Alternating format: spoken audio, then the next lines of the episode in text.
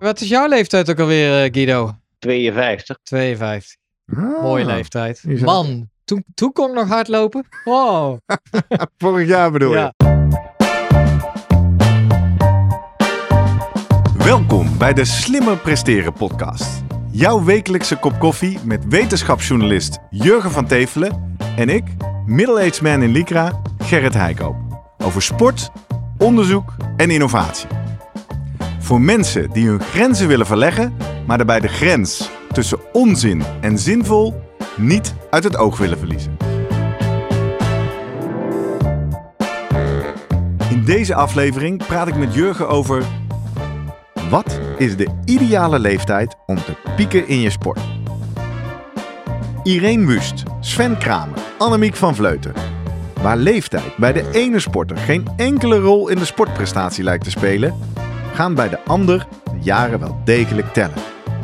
Wat is de piekleeftijd voor sportsucces en maakt het daarbij uit welke sport je doet? Voordat we beginnen, nog even drie dingen om aan te denken als jij zelf ook slimmer wil presteren. Nummer 1. Druk nu gelijk even op abonneren, zodat je altijd direct in de gaten hebt wanneer er een nieuwe aflevering online komt. Nummer 2. Weet dat je Jurgen en mij ook kunt boeken voor jouw volgende bijeenkomst als spreker of presentator. Neem gerust eens contact met ons op via de contactgegevens hieronder. En 3. Deze podcast wordt geproduceerd en gesponsord door Live Online Events. Serieus goede content rondom jouw congres of event. Check www.loe.tv voor meer info. Ja, Jurgen, goedemorgen. Hey, goedemorgen, Gerrit. Vrijdagochtend, daar zijn we weer. We gaan het over een eh, interessant onderwerp hebben. Piekleeftijd. Mhm. Iets wat je natuurlijk maar moeilijk kan beïnvloeden met training. Eh, het is een gegeven, maar wellicht kan je daar je plan op aanpassen. Of Ja, moet je is daar... het een gegeven? Ja, Ja, en, en misschien moet je toch je, je, je training aanpassen of je sport misschien. Ja. Daar gaan we naar kijken. Er is aardig wat onderzoek eh, over gedaan, waar we het, wat we gaan bespreken. En we gaan straks op het einde zoomen met Vroemen. Om eens even te kijken hoe hij nou leeftijd mee laat wegen in zijn trainingsplannen voor zijn atleten. En leuk in deze aflevering, we hebben een vraag gesteld door onze bevriende eh, dames van de Knabbel en Babbel podcast. Lotte Koopmans, die horen we zo meteen ook eh, voorbij komen. Maar we maar eh, bij het begin beginnen, Jurgen. Ben jij op je piekleeftijd? Ehm, geweest, denk ik. Ligt eraan, waar kijk je naar, hè? Ja, Voor en het- welke Voor sport het maken het van over? podcasts zit ik er echt eh, bijna tegenaan, denk ik. Ja. Sportwise eh, zeker wel in de sporten die ik doe. Ja, Ja. precies. Dus eh, help me eens mee. Wat, wat is de aanleiding dat we het hierover moeten Ja, hebben? voor vandaag? mijn aanleiding is altijd omdat op het moment dat een oudere sporter met name, ja, toch nog succes haalt. Kijk, een Irene Wust. En even voor de goede orde, die is 36, hè? En dan wordt Dat is een jonkie, gezegd, hè? Vanuit jouw Ja, precies. Maar daar wordt wel bij gezegd. En op deze, op de 36-jarige eh, leeftijd nog. En vooral helemaal eh, omdat zij natuurlijk vijf keer, of was het al eh, vijf Olympische Spelen. Vijf Olympische Ja. Spelen. Ja, klopt. Op haar negentiende won ze voor het eerst. Dus die heeft een hele ja, lange carrière waarin ze heel lang goed blijft.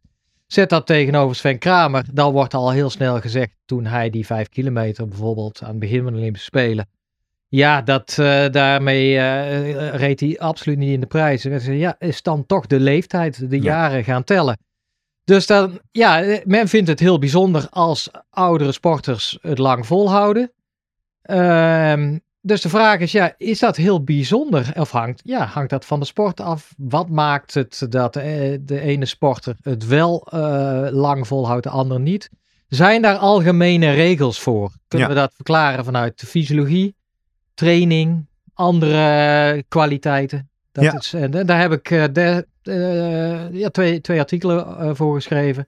Gekeken, of welk, geschreven zelf. geschreven. Ja. Oh, leuk. Van jouw eigen hand hebben we het dus over. Eentje sportgericht van de zomer en eentje rond de Olympische Spelen. Want dan ga je op zoek naar, is daar wel, eh, wat, wat zijn de studies eigenlijk die er gedaan zijn? Ja, en zijn er. voor de trouwe vrienden van de show, als je wil kan je dat ook worden, even naar vriendvandeshow.nl slash slimmerpodcast.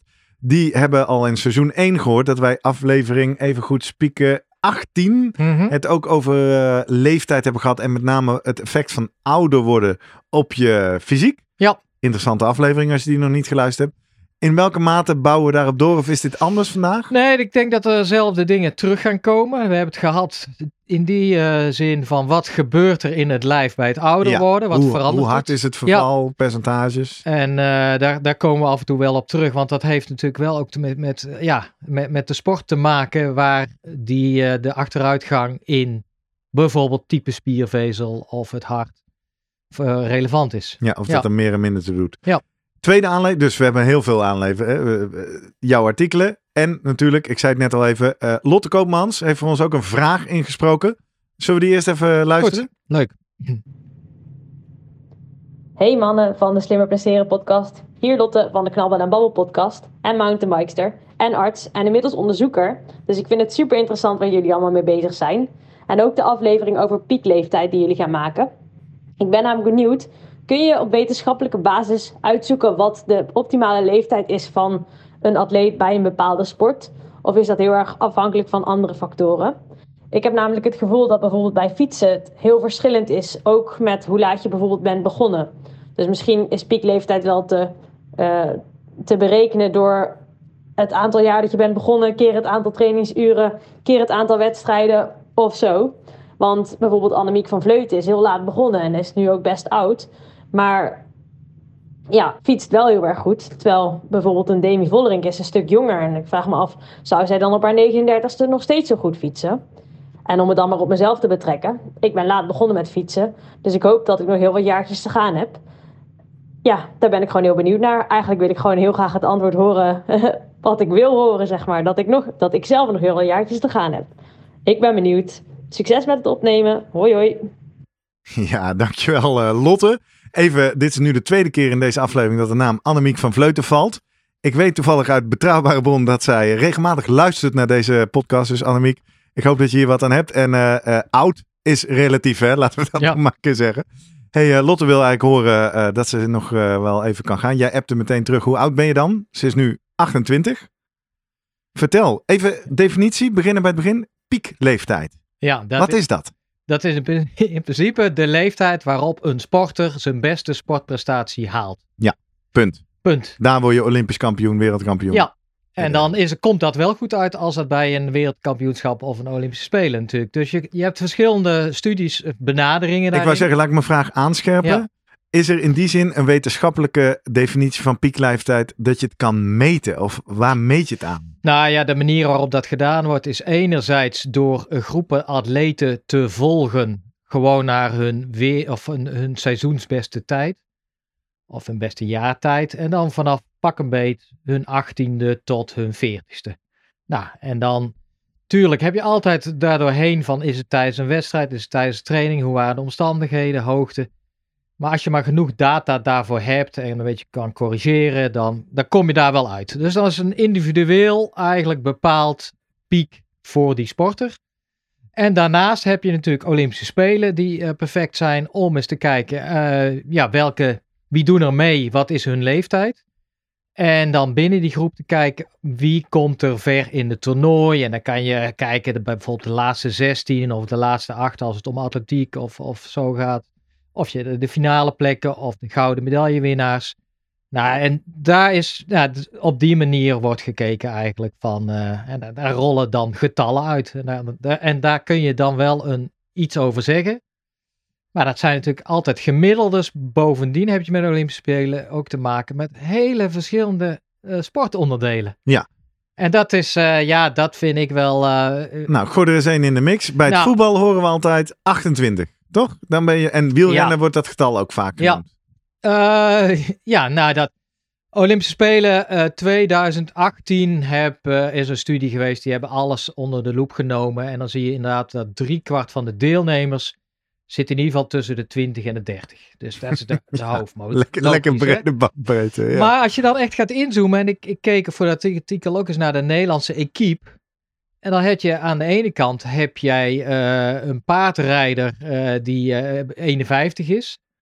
En aan de andere kant eh, een ruiter heet dat, hè? een ruiter. Paardrijder, zei nou ja, we, we, Ja, ik weet dat er een paar taalpuristen mee eh. Aan de andere kant had je Kate Oldenbeuving, was een eh, skateboarder, Ja. boardster, die was eh, 16. Precies. Ehm, nou ja, dat vond, dus dat gaat mij wel aan denken. Oké, dus als jij eigenlijk Olympische Spelen van pak een beetje 20 jaar gaat, geleden gaat vergelijken met nu, dan heb je ook al te maken met andere sporten. Toen was er geen skateboarden. Mhm, Dus, eh, mhm. En ze hebben wel bijvoorbeeld gezien dat in de loop der jaren eh, de gemiddelde Olympische atleet is zo'n twee, drie jaar ouder geworden. Oké. Maar dan moeten we wel dit in het achterhoofd houden. Welke disciplines zijn erbij gekomen, weggegaan? Nou, het feit is gewoon dat je in sommige sporten heel logisch kun je best wel op oude leeftijd meedoen. Paardrijden is er daar één van. Dan moet- je een ruiter zijn, begrijp ik. Eh, zeilen Ja. is een andere. Ehm, en even kijken. En schieten. In dit rijtje zou je dan ook weer autoracen verwachten. Maar dat Ja, valt dan wel mee. Max is, eh, nee, ja, precies. En, En eh, Max is 24. nee, en dan zijn er. Nou ja, Alonso is ook eh, 38, 39 Precies. geloof ik. Hè? Ja. is een mooie site, Olympedia. Daar staan alle weetjes op, alle feitjes. Ja.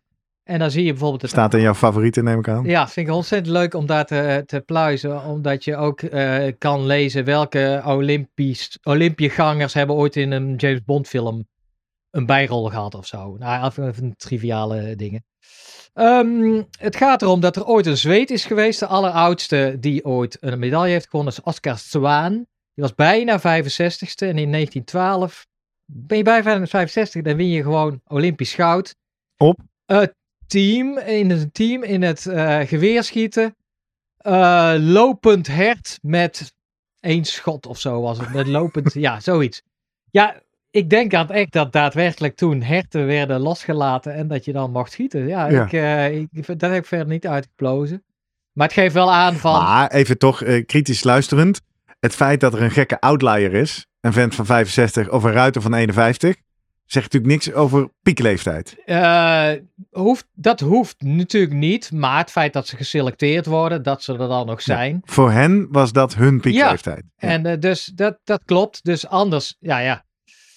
Eh, dus dat zijn gewoon de feiten. Zij halen medailles op die leeftijd. Ja. Of worden geselecteerd om. Ja, dat kan ook te maken hebben met de hele huiselijke situatie. Dat die vent met pensioen is gegaan op zijn vijftig. Uiteindelijk tijd om lekker rustig te schieten. En dan ga ik eens schieten. Ja. Dus dat, Kortom, dus één manier om daarnaar te kijken is, we gaan gewoon retrofitten. We gaan terugkijken. We kijken wie wint er en hoe oud zijn Ja. ze. Nou, blijkbaar is dat dan hun piekleeftijd. Nou, hè, en 2018 heb ik maar eens even op een rij gezet van wat waren dan de sporten voor de oudjes en voor eh, de jonkies. Pak ik toch even mijn data erbij, want ik weet ik dat gewoon net niet uit mijn hoofd. Nee. Maar daar komt hij. Zet mijn bril af.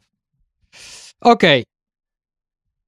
De top 3 voor de, ou- de, de sport voor de oudjes bij de mannen was het schieten inderdaad. Ja. 32,6 gemiddeld. Het zeilen 31,1. En beachvolleybal, dat is dan wel opvallend. Oh, komt 13,5. door, eh, door Rijn de Nummer door en... Ja. eh, Nou ja, dan kan je iets verzinnen. Is het de sport zelf of is het feit die beginnen gewoon met gewoon volleybal ja, dat zie je daar en vaak. gaan op latere In leeftijd. die zin is beachvolleybal een relatief jonge sport. Hè? Het is Ja. natuurlijk pas in de jaren 90 echt opgekomen. Ja. Dus inderdaad, mensen beginnen vaak in de zaal. dus dat, Tegenwoordig niet meer, hè? dus dat, dat kan nog wel eens veranderen. Van dat het, eh, maar ja, de- daar komt ook het soort. Kijk, iedereen heeft. Wat, wat zijn de factoren belangrijk? Eh, is fysiek, mentaal, psychologisch, tactisch. Fysiek, daar hebben we ook in aflevering 18 over gehad. Daar zit die piek toch al snel rond de 25ste. Ja, omdat tot die tijd ben je aan het groeien, groeien, sterker, sterker, sterker Ja. worden. En er is een punt waarin je lichaam zich weer langzaam begint te degenereren. Precies, en er zijn een aantal aspecten. Nou, eerst gaat je maximale hartslag gaat sowieso iets omlaag. Maar Ja. je hart kan heel goed compenseren door te groeien. Je krijgt een sporthart. Dus dat betekent dat je eigenlijk je, de hoeveelheid bloed die, die je rondpompt, dat kan je redelijk handhaven, ook na je 25ste. Maar het andere is wel dat je spierkrimp krijgt. En dan met name dan van die snelle spiervezels. Ja. Eh, en daarnaast, eh, dat heeft dus consequenties ook voor jou, eh, ja, je VO2 max uiteindelijk. Ehm, ja, je, je bloedvaten worden stijver. Je krijgt dat uitval van je haarvaten in jouw spieren. Dus ja, er gebeurt van alles. Alleen in hoeverre kan je dat compenseren in jouw sport door andere kwaliteiten? Dus mentaal. Ervaring, mentaal, psychologie, tactiek. Ja. Ja. En een bepaald aantal eh, cognitieve eigenschappen, eh, die, die blijken pas eh, rond je zestigste te pieken. Aha. Dus ja, het hangt dan nogal van de sport af en welke eigenschappen nou echt belangrijk zijn. En Om die- te winnen. Ja, en die probeer je dan te gebruiken om een verklaring te vinden voor het feit dat bijvoorbeeld inderdaad Joop Zoetemelk op zijn acht- 38e wereldkampioen werd. Of Annemiek van Vleuten Olympisch kampioene. Ja. Het is nu 39. meen Zou ik je zelfs. natuurlijk kunnen Ja. zeggen, omdat wielrennen, zeker in een peloton, zeker, je moet keihard kunnen fietsen, maar er zit ook heel veel tactiek. Ja, Koersinzicht. Precies, dat Lef. pacen, dat Ja. energie, welke ontsnapping ga ik wel of niet mee. Ja. En ik denk door wedstrijden eh, te doen, en krijg je toch ervaring, weet je, ah, maar in het verleden, oh, dit, eh, dit, hier kan ik rustig aan. Dus Ja. in eh, puur fysieke sporten, ik moet denken aan gewicht heffen, Ja. zal je dus zien dat er niet veel 30-plussers mee. Klopt. Er was inderdaad in de studie naar voren gekomen, dat is echt de extreme sport waar de, de jonkies, ja, eigenlijk ergens begin 20, Ja. de medailles wegslepen. Exact. Ja.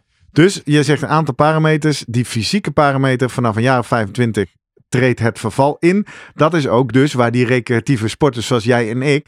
eh, even dan toch voor de luisteraars die ons niet zo goed kennen. Ik ben op dit moment. Het is het 22. Oh ja, ik word in april 42. En jij? Ja, 53. hè? 53. Dus eh, op onze leeftijd begint het al heel goed te worden. Als je jaar op jaar Ja. jezelfde PR kan blijven halen. Ja. Want dan ben je in feite nog steeds aan het beter worden. Want je bent tegen het verval in aan het Klopt. trainen. En dan heeft misschien wielrennen of triathlon nog ehm, de mogelijkheid om door middel van een snelle fiets, een Ja, aerodynamische materiaal fiets, speelt een rol. dat je daar toch En als je dan ouder wordt, heb je meer geld. Kun je duurdere Ja. fiets kopen. en een fietsen, Duurdere het wielen. fietsen is relatief ja, het, het onderdeel wat lang duurt bij de triathlon. Ja. Dus dat verklaart ook wel dat, dat mensen zoals eh, Rob Barrel op die ja, volgens mij op, op late leeftijd nog steeds dezelfde tijd eigenlijk haalde in Hawaii dan in zijn jonge jaren. Wereldkampioenschap triathlon, Ja. voor de goede orde. Ja, want Rob was al heel vroeg in zijn carrière wereldkampioen op de triathlon. Dat was eind jaren Ja. 80, begin jaren Hij was 90. toen vierde volgens mij in Hawaii een keer. Ja. In de echte begintijd. En later heeft hij op zijn, eh, ik meen 59ste ook nog een keer Nee. meegedaan. Dat is een leuk feitje. Op zijn 60ste. Want ik heb hem daar toen Ah. toevallig over mogen spreken. En toen zei hij ook, ja, dan, ik, ik had bedacht, dan kom ik in de 60-plus categorie. Dan moet ik dan in Oh, het eerste jaar dat ik daarin zit doen. Want dan ben ik relatief Ja. nog het jongst en het sterkst. En daar heeft hij hem toegepast. Ja, en als je dan die tijden dan...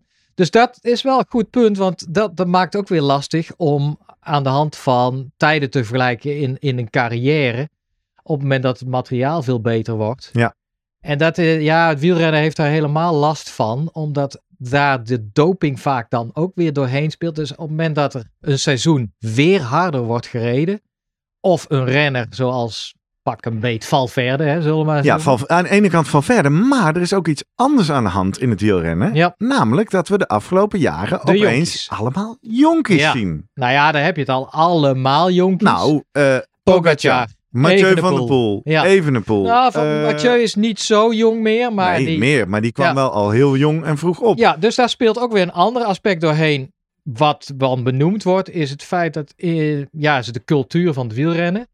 Dat vroeger eigenlijk, ja, als jij nieuw bij de ploeg kwam als jonkie, ja, dan moest je e- de eerste jaren maar gaan knechten. Ja. Dat was duidelijk. De kopman was de oudere, de, de persoon met ervaring.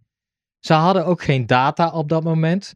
Nu hebben ze een vermogensmeter in ieder geval. En aan de hand daarvan kunnen ze eigenlijk zien van, hey, dat, dat relatieve jonkie trapt net zoveel vermogens, of misschien wel beter hoger, dan onze beoogde kopman van de afgelopen jaren.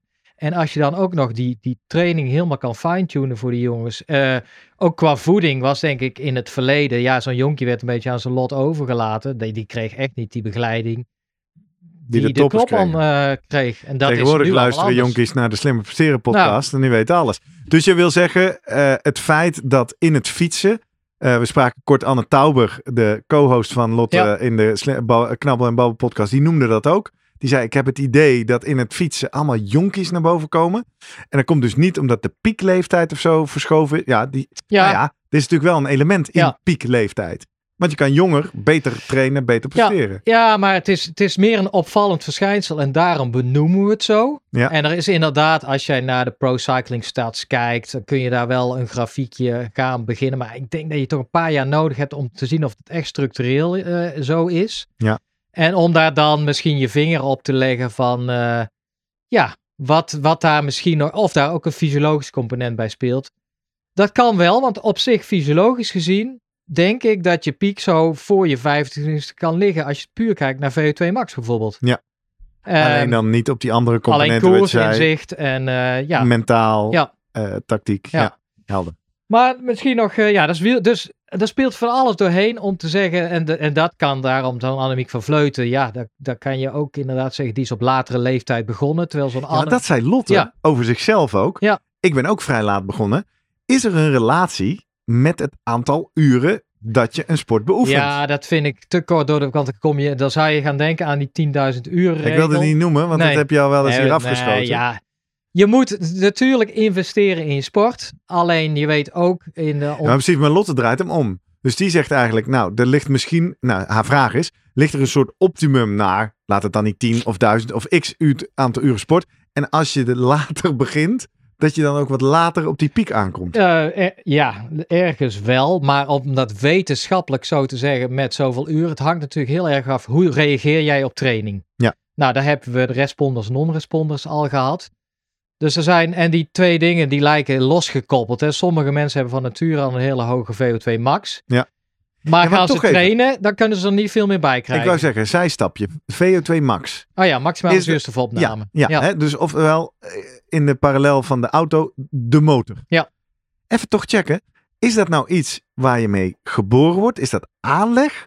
Of kun je die nou ook nog wel trainen? Alle- allebei, maar aanleg is wel heel belangrijk. Als ik gewoon toch wel merk of lees of eh, hoor, ook nu in, in het kader van eh, het Sportlab Sedok gebeuren zijn we er een beetje mee bezig. En met mensen gesproken, ja, die, dan wordt op jonge leeftijd toch ook wel, nou ja, bij wielrenners zo rond hun 16e, 17 wordt eerst eigenlijk gekeken, ja, primair kun jij vermogens trappen. Mhm. Nou, daar hebben we het ook over gehad. De relatie van vermogen trappen en je metabool vermogen.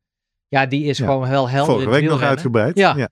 Dus op, op zich, als iemand een VO2 max heeft op zijn eh, zestiende, die echt uitmuntend is, ja, dan weet jij gewoon, ja, dat, dat is een, een, een topper in de dop. Zo is het met, met Roglic ook gedaan. Hebben ze, gegaan. Hebben ze natuurlijk ook ontdekt van, eh, ja, Ja. Dat, dat, daar, dat hij dat had. En dan is het een kwestie van, nou ja, dat wil nog niet zeggen dat hij die top haalt. Dat is een kwestie van, ja, zit... Het is, Het nee, sche- maar daarom is talent. Dan Ja. moet je het ook benutten en Ja. aanboren en ontwikkelen. En dat is maar ook mijn dus, vraag is eigenlijk, eh, als je voor een kwartje geboren wordt, nee, als je voor Ja. een dubbeltje geboren wordt, kun je ooit een kwartje worden. In de zin, eh, de- de- we hebben veel mensen tegenwoordig van die slimme horloges. Die Garmin die geeft ook een VO2 max. Stel op een dag krijg ik daar de waarde 40. Kan ik die trainen naar 60? Of moet ik met mijn 40 capaciteit daar het beste uithalen? Of is het meer een vraag voor Guido? Nou, het zijn twee losse dingen. Dus je kan nog steeds eh, de VO2 max bazaal zonder veel te sporten, die kan heel hoog zijn. En dan kan met de training kan er heel weinig gebeuren. Of je kan met geboren worden met een hele lage VO2 max, maar ontzettend gevoelig zijn voor training. Ah. Dus je kan een responder zijn. Ja. Daar hebben we het natuurlijk ook uitgebreid over gehad. Alleen, ik denk dat je eigenlijk allebei wel moet hebben. Om de top, top Ja. te bereiken. Ja, helder. En, ehm, en daarbij, nou ja, daar komen ook zo'n dingen van, je moet niet geblesseerd raken of niet te vaak. Ja, ja, precies. vallen. Precies. Eh, je Dat is moet natuurlijk een mooi. Sven Kramer, zijn naam Ja. zat ook in de intro. mentaal fris blijven. Eh toptalent Kramer eh, krijgt iets aan zijn rug, waardoor hij niet meer in zijn goede Ja. houding kan gaan zitten, waardoor hij het Ja. niet meer redt. Ja. Met die mentale frisheid, je moet er nog steeds lol in vinden. En in, in die zin kun je wel voorstellen, die, en op zich, die studies zijn ook wel gedaan. Kinderen die op jonge leeftijd heel goed in de sport zijn, ja, dit is, die raken ook sneller opgebrand. Ja, ja. Dus dan kijken ze Daar met had Lieke. Schiphol het over, toch? De fast burning flames. Ja. Omdat je dan heel snel, heel hard en dan ben je er klaar mee. Dit is een beetje als je terugkijkt naar carrières van topsporters. En dan kijken ze meer van wanneer moet je specialiseren. Of wat is nou de ideale eh, scholing richting topsporter. En ja, de meeste hinken dan toch op de gedachte van, nou, tot je twaalfde lekker breed eh, oriënteren, verschillende sporten doen. Vooral niet eh, te denken van, hé, hey, ik moet hier op dit moment de beste in zijn. Het is een beetje het voorbeeld Federer, die deed ook van alles. En dan op een gegeven moment is zo'n kind oud en wijs genoeg.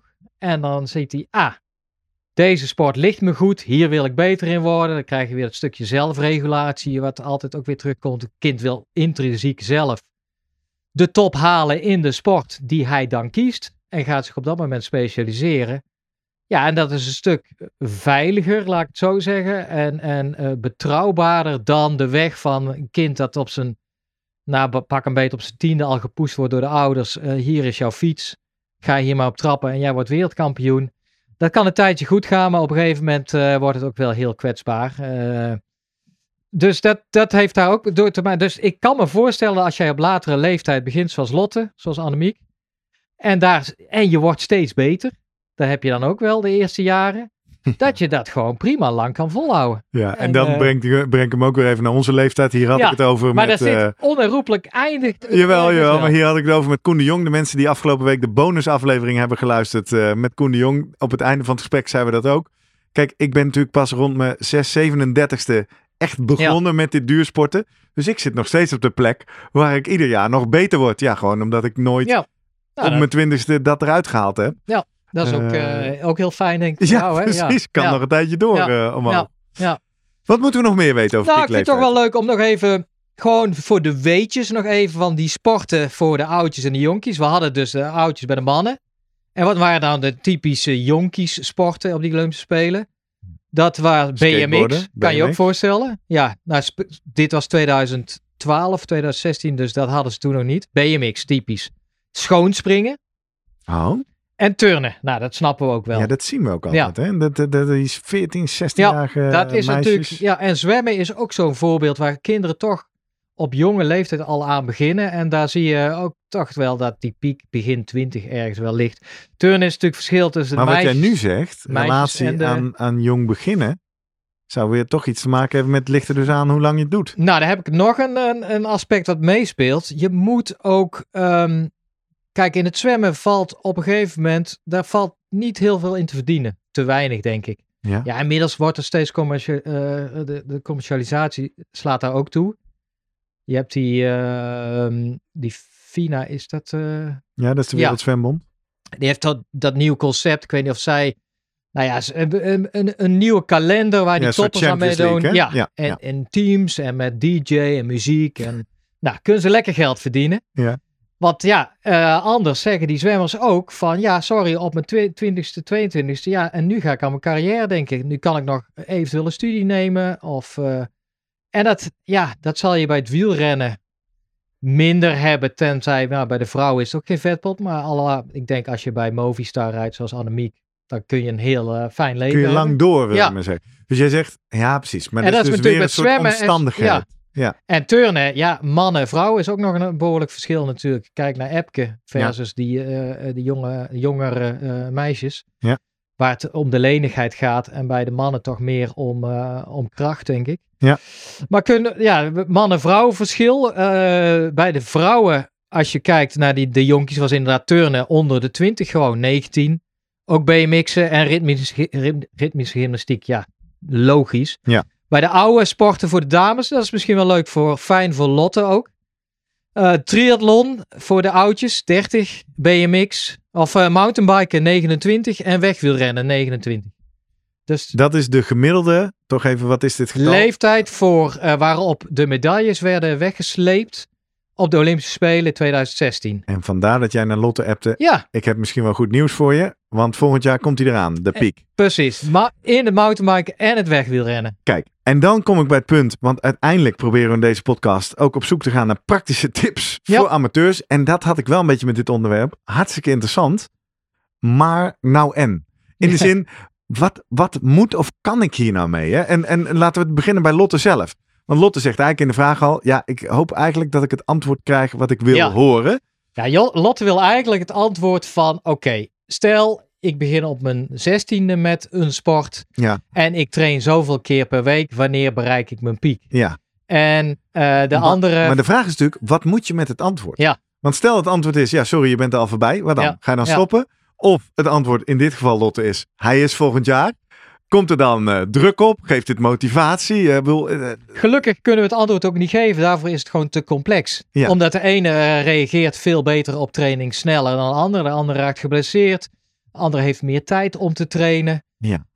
Ja, dat speelt daar gelukkig doorheen. En dat heeft allemaal met je genen te maken. En zolang we niet die- genen allemaal kunnen uitpluizen. En, en dus een vo- voorspelling kunnen gaan geven over jouw topsportcarrière.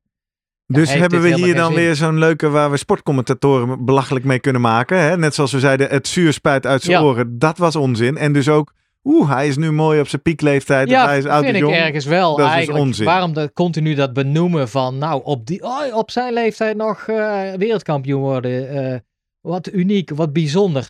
Ja, dat is nogal de vraag, hè? Ik bedoel. Ja.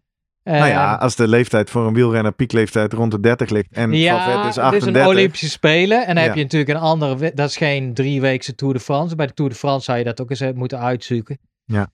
Maar ja, ik denk dat is het mooie aan sport. Van, eh, laat je vooral niet afschrikken door, eh, door je concurrenten. Die, bijvoorbeeld Anne van der Breggen, die is nu gestopt op de 31ste. Ja. ja. Dan ga je denken, huh? Nu al? Ja, die is natuurlijk waarschijnlijk veel eerder ook begonnen. Heeft er gewoon En geen zin klaar mee. Ja. En Annemiek van Vleuten die denkt, ja, dit jaar nog eh, die Tour de France eh Féminin, die nu eh, dit jaar net even anders heet, maar mooie, mooie prooi om, om naartoe te, te werken. Dus ik, dat heeft, ja, zolang je die doelen hebt voor jezelf, je hebt de tijd, je raakt niet geblesseerd, je hebt het gevoel van, ik kan verbeteren. Ja. Ja, ga gerust door. Doe dat, Lotte. Dus zeggen wij dan eigenlijk piekleeftijd. Eh, goed om even nu te bespreken met elkaar. Wat doet leeftijd met je? Ja. Eh, goed om te ontrafelen dat het dus gaat over fysiek, mentaal, tactiek. Ja. Dat met name natuurlijk mentaal, tactiek je op latere leeftijd ervaring Ja. beter gaat doen. Fysiek vanaf je 25 omlaag. Is er nog iets anders wat we ermee Nou, moeten of kunnen? Wat je bij die tennissers dus ziet, eh, heel sterk, die nemen gewoon pauzes. Heel veel. Ah, de Federers, de Nadals, die gaan... Kijk, vroeger moest je ook gewoon binnen jouw... Ja, de tijd dat jij in de top, top 50 of zo stond, moest jij gewoon je geld verdienen. Ja. Eh, Zoveel mogelijk toernooien. Nou ja, nu die, die lui gewoon eh, met hele mooie sponsorcontracten eh, dat allemaal niet meer zo hoeven. Ja, die kienen dan eigenlijk hun kalender uit en nemen gewoon bewust eh, pauze om te herstellen. Hm. En dat is natuurlijk, ja, herstel wordt steeds belangrijk op die leeftijd. Dus dat, eh, ja, daar kan je, en je neemt gewoon een fysiotherapeut in dienst. En Dus je daar zeg je eigenlijk, je tip voedingsdeskundige En, Je kan je topsportcarrière in dit geval verlengen als je durft ook voldoende aandacht aan herstel te brengen. Zeker. Ik vind dit wel een fantastisch bruggetje om heel even snel. We hebben het over sponsoren en herstel. Let's go. Slimmer presteren gaat natuurlijk ook over slimmer bezig zijn tussen je trainingen door. Oftewel herstel. Daarom brengen wij om de twee weken een korte, snelle hersteltip, powered bij onze partner BlackRoll. Deze week hebben we het over de hersteltijd van je spieren. Jurgen, wat zegt de wetenschap hierover? nou, wist jij dat dus die hersteltijd afhangt van het spiervezeltype? Dat laat eh, recent onderzoek aan de Universiteit van Gent zien. Die hebben een proefpersoon in een scanner gelegd, gekeken of ze veel witte of rode spiervezels hadden en ze vervolgens een eh, all-out inspanning op de fiets laten doen. En dan bleek dat degene met een eh, langzaam spiervezeltype, die waren na 20 minuten hersteld. Maar degene met het snelle spiervezeltype, die waren na 5 uur nog niet hersteld.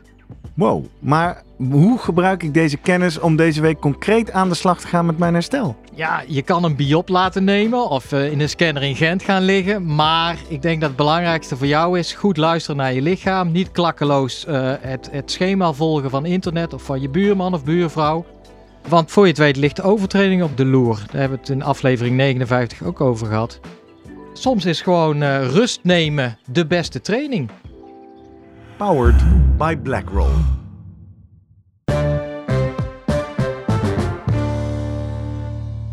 Ja, lieve luisteraars, we hebben het aan het begin van het seizoen aangekondigd. Wij hebben inmiddels commerciële partners en we proberen dat op deze manier op te lossen met een oprechte hersteltip. Laat ik deze eerste keer toch ook nog maar een keer benoemen. Eh, ja, BlackRoll is onze partner. Daar ontvangen wij eh, materiële eh, en financiële support van. Maar ze hebben geen invloed op de inhoud van onze podcast. En zelfs niet op de inhoud van deze hersteltips. Dat is echt wel echt. Dus weet dat. Om de twee weken een hersteltip. Ehm, zijn we klaar om te gaan zoomen met Vroemen? Hebben we de wetenschap ontrafeld? Ja. Mooi. Dan gaan we aan hem vragen hoe hij leeftijd zijn trainingsprogramma's voor zijn atleten laat beïnvloeden. Goed plan. We gaan zoomen met Vroemen. Zoom, zoom, zoom. Vroom, vroom. Guido, Hey, Guido. goedemorgen. Goedemorgen. Goedemorgen, heren. Hey, welkom weer in de Slimmer Presteren podcast. Kijk, wat is jouw leeftijd ook alweer, eh, Guido? Vandaag, 52. 52. Ah, Mooie leeftijd. Man, toen, toen kon ik nog hardlopen. Oh. Vorig jaar bedoel ja, je? vorig Eh, jaar. leeftijdsgenoten. Ja. Hey, we zijn even benieuwd. We hebben het onderwerp piekleeftijd besproken. eh, links en rechts nuance. Moeilijk om het concreet te maken. Maar even kijken of dat voor jou zo is. Als jij, eh, jij eh, begeleidt allerlei soorten atleten. Op wat voor manier laat jij de leeftijd van een atleet van invloed zijn op de dingen die je voorschrijft? Ja, ik heb inderdaad wel een heel eh, groot scala aan verschillende leeftijden. Ja, wat is jouw jongste en jouw Ja, oudste? ja, wat is de bandbreedte? Ik, mijn jongste is volgens mij 16. Zo. Ehm, en de oudste? Ja, Rond, ieder geval ouder dan ik. boven de Ik denk, 52. Ja, dat, eh, dat zeker eh, volgens mij wel. Dus er zit wel een, eh, ehm, eh, een groot verschil in. Ja. Ja. Ja, en dat betekent dat die ene van 16, die kan denk ik nog wel een stuk beter worden. Maar Ja, daar diegene, zit nog heel veel progressie in. ja, en die andere, ja, die mag blij zijn, eh, de, die op, Ja. op leeftijd, dat die de, de aftakeling tegen kan houden, zullen we maar Nou zeggen. ja, dat is ook hetgene wat je, zeg maar, op oudere leeftijd, en dan laten we dat dan zeggen, dat we dan, nou ja, als je eh, sowieso nou, 30, 40, 50, 60 jaar, dan is het eigenlijk proberen vast te houden wat je hebt. Ja, En afhankelijk van je trainingservaring en jaren, kijk, als je op je dertigste denkt van, god, ik moet eens wat gaan doen, en ik denk, ik ga eens, op ik ga eens je wat 6, beginnen met 37ste? ja, ik denk ik ga eens trainen. Dan heb je nog heel veel winst te behalen. Ja. Want ja, je bent hartstikke nieuw in die dingen. Dus dan is het niet zozeer vasthouden wat je hebt. Want dan kun je nog heel veel winst halen. Als je al, je, al 20 jaar ehm, eh, in, in een bepaalde sport eh, actief bent. Dan is het vaak, dan heb je je piek wel al gehad. Je hoogste, je snelste tijden, dat soort dingen. Ehm, en dan is het proberen, nou ja, nieuwe dingen nog proberen te vinden. Maar het is niet zozeer ehm, op jacht gaan naar PR's. Nee. Maar wel proberen nou ja, ja, plezier vast te houden. En, en zo goed mogelijk ehm, nou ja, prestaties leveren voor wat er nog mogelijk is. dus benader je die dan ook verschillend als in jouw Ja. begeleiding? Ja, ja, ja, ja, ja. Ja, dat, dat heeft te maken, ja, ehm, je hebt een ander doel. Je wilt bepaalde eh, dingen vasthouden, zonder, hè, gezondheid, Mhm. Ehm, herstelvermogen. Hè, naarmate je ouder wordt, is, ga je niet bepalen. Hè, bij jongeren kun je best wel eens intervaltrainingen twee dagen achter elkaar. En dan zonder dat daar heel veel extra rust nodig is. Ja. Naarmate je ouder wordt, zul je dat niet meer voor elkaar krijgen. En dan denk je, jee, als ik echt die training gedaan heb, dan moet ik de volgende dag toch alleen maar even wat actief herstel of gewoon een rustdag hebben, want anders lukt het niet. Ja. Dus daar hou je wel zeker rekening mee. Nou, weet je wat, we hadden het natuurlijk over wielrennen veel gehad, maar ik vind triathlon vind ik ook wel interessant wat daar een beetje gaande is. Jij stuurde mij een stuk van Jan eh, Frodeno, die wordt 40. Of, eh, 40. Ja, die is ook op leeftijd. we hadden het al over Rob Barrel. Aan de andere kant, die, eh, die Scandinaviërs. De Noorden. ja, die Bloemenveld is Even volgens eh, voor mij... de mensen die niet zo in de triathlon media zitten. Er is een eh, Bloemenveld Ja. is eh, bezig met alle records te breken. En die is, eh, meen ik, 27, 28, zoiets. Ja, En, dan, precies. en ik las dat er nog wat jonge Zweden of een jonge Zweed aan zit te komen.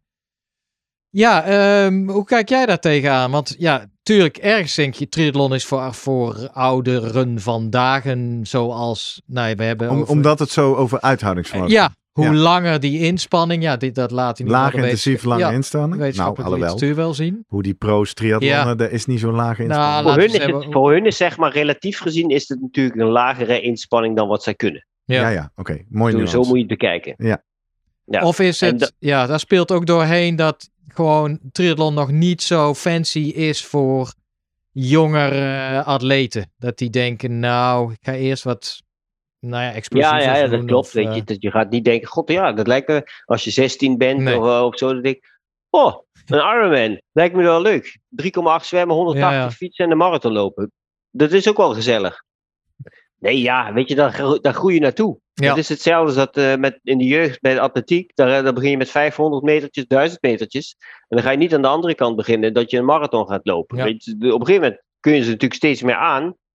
En zullen ze ook meer gaan doen. En dan krijg je ook die interesse bij sommigen. Ja, en zo kom je daar wel. Dus dat is eh, de meest logische eh, carrière van triatleet is beginnen met sprint of Olympische Ja. distance. En Ja. dan dat langzaam uitbouwen op, eh, op latere leeftijd. Ja, nou weet je, als je, als je op die kortere afstanden eerst eens gaat proberen je snelheid uit te bouwen. Van hoe hard kan ik nou zo'n wedstrijd doen? Niet zozeer haal ik überhaupt die afstand, maar ik heb die afstand nu gehaald en dan ga ik, dat kan veel sneller. Ja. En op een gegeven moment zul je daar ook wel merken, nou ja, dan zit ik weer echt wel aan het plafond en dit is echt wel bij max wat ik op deze afstand kan halen.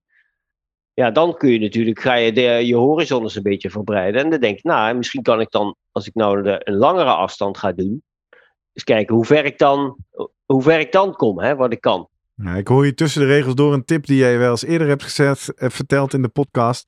Waar ik van terug hoorde dat mensen daar erg dankbaar voor zijn. Dat het niet altijd alleen maar gaat om verder, verder, verder. Maar ga nou eens eerst maar eens wat sneller op een 5 of een 10. Voordat je weer gaat uitbouwen. Ja, precies hetzelfde. Omdat dan de, de loopefficiëntie of de loopeconomie verbetert, toch? Door sneller te lopen. Ja, eh, inderdaad. Dat klopt. Doe Je, je gaat meer aandacht besteden aan looptechniek. Mhm. En je efficiëntie wordt daardoor beter. En als je, dan, als je dat vaak genoeg maar herhaalt en je wordt daar beter in, dan ga je dus ook harder lopen. Ik probeer de cirkel even rond te maken. Aan het begin van deze aflevering hadden wij een atleet van jou. Ik vroeg me ook nog af, Guido, zijn wij dan een soort van teamgenoten? Omdat zij en ik nu allebei onder je trainen. Ik heb de WhatsApp-groep Vroeme, Vroeme Army nog niet gezien. Ja, Team Vroeme. Maar goed, anyway. Lotte Koopmans, die eh, heeft net van Jurgen te horen gekregen dat zij volgend jaar op haar 29ste gaat pieken. Ehm, ik heb al één ding gehoord, wat jij zegt. Ik bouw bij oudere atleten wat meer eh, rust in. Of ik, ik geef meer gelegenheid voor herstel. Is er nog iets wat je nu doet bij mensen die tegen hun piekleeftijd aanzetten? Gaan we daar alle registers opentrekken? Of, of hoe, hoe ga je daarmee om? Nou ja, ik weet niet wat, wat hun piekleeftijd is. natuurlijk. 29 voor de mountainbikers, zegt eh, Jurgen hier.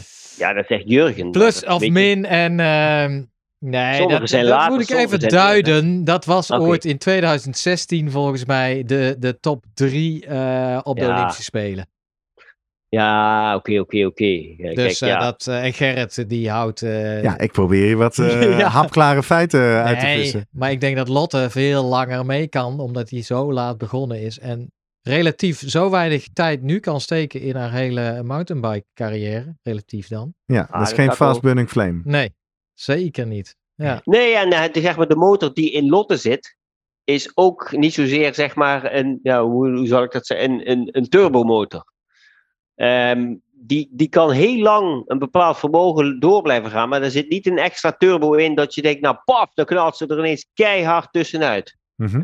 Of een bergje op. Eh, die moet het hebben van ehm, het langdurig vast blijven houden ho- en dan relatief hoog vermogen kunnen blijven trappen.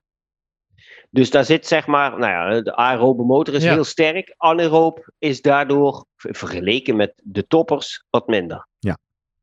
En Oh, Dus daar pas jij je training langere- op aan. Ja. Ja, en dan kom je op oudere leeftijd, kun je dat aerobe vermogen ook veel beter in stand houden dan Ja. je anaerobe vermogen.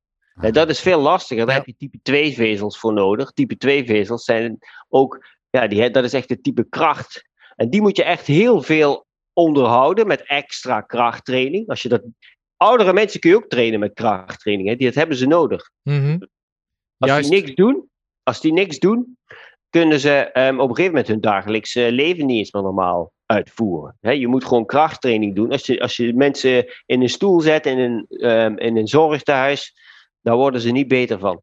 Nee. Dus die, moeten ook gewoon ge- die spieren moeten getraind worden. Als ze niks doen, worden ze slechter. Dus krachttraining is echt essentieel daarvoor.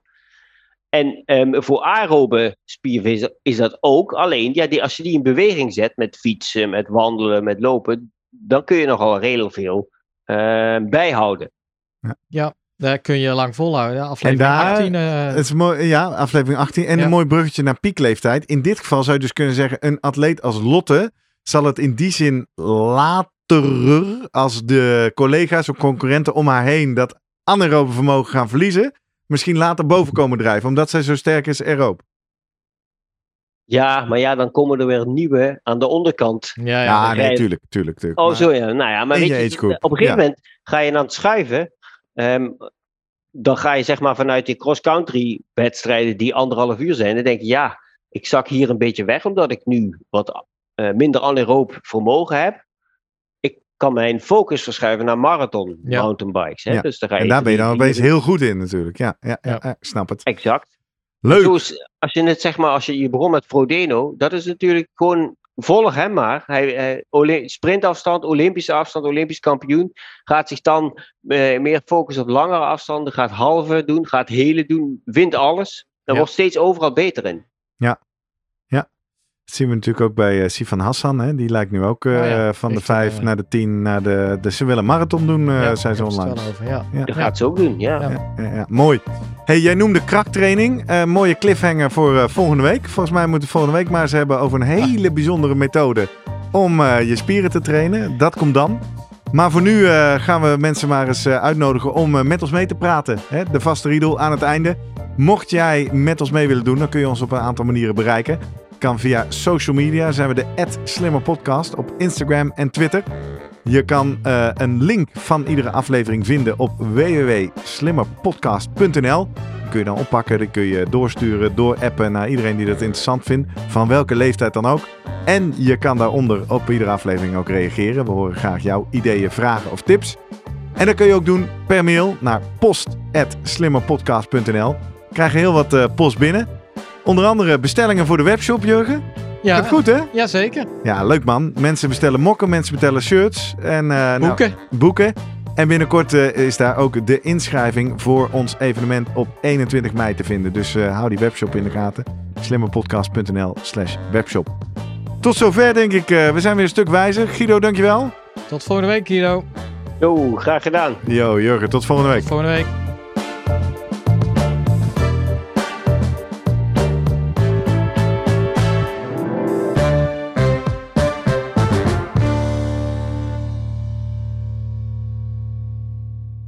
Nog even goed om te weten. Wij ontvangen zowel financiële als materiële ondersteuning van een aantal commerciële partners. Deze partners hebben op geen enkele wijze invloed op de inhoud van onze podcast. Hey, pst. Voordat je weggaat, denk er nog even aan uilentorenloop.nl. Dan zien we je de eerste zaterdag van juni. Tot dan!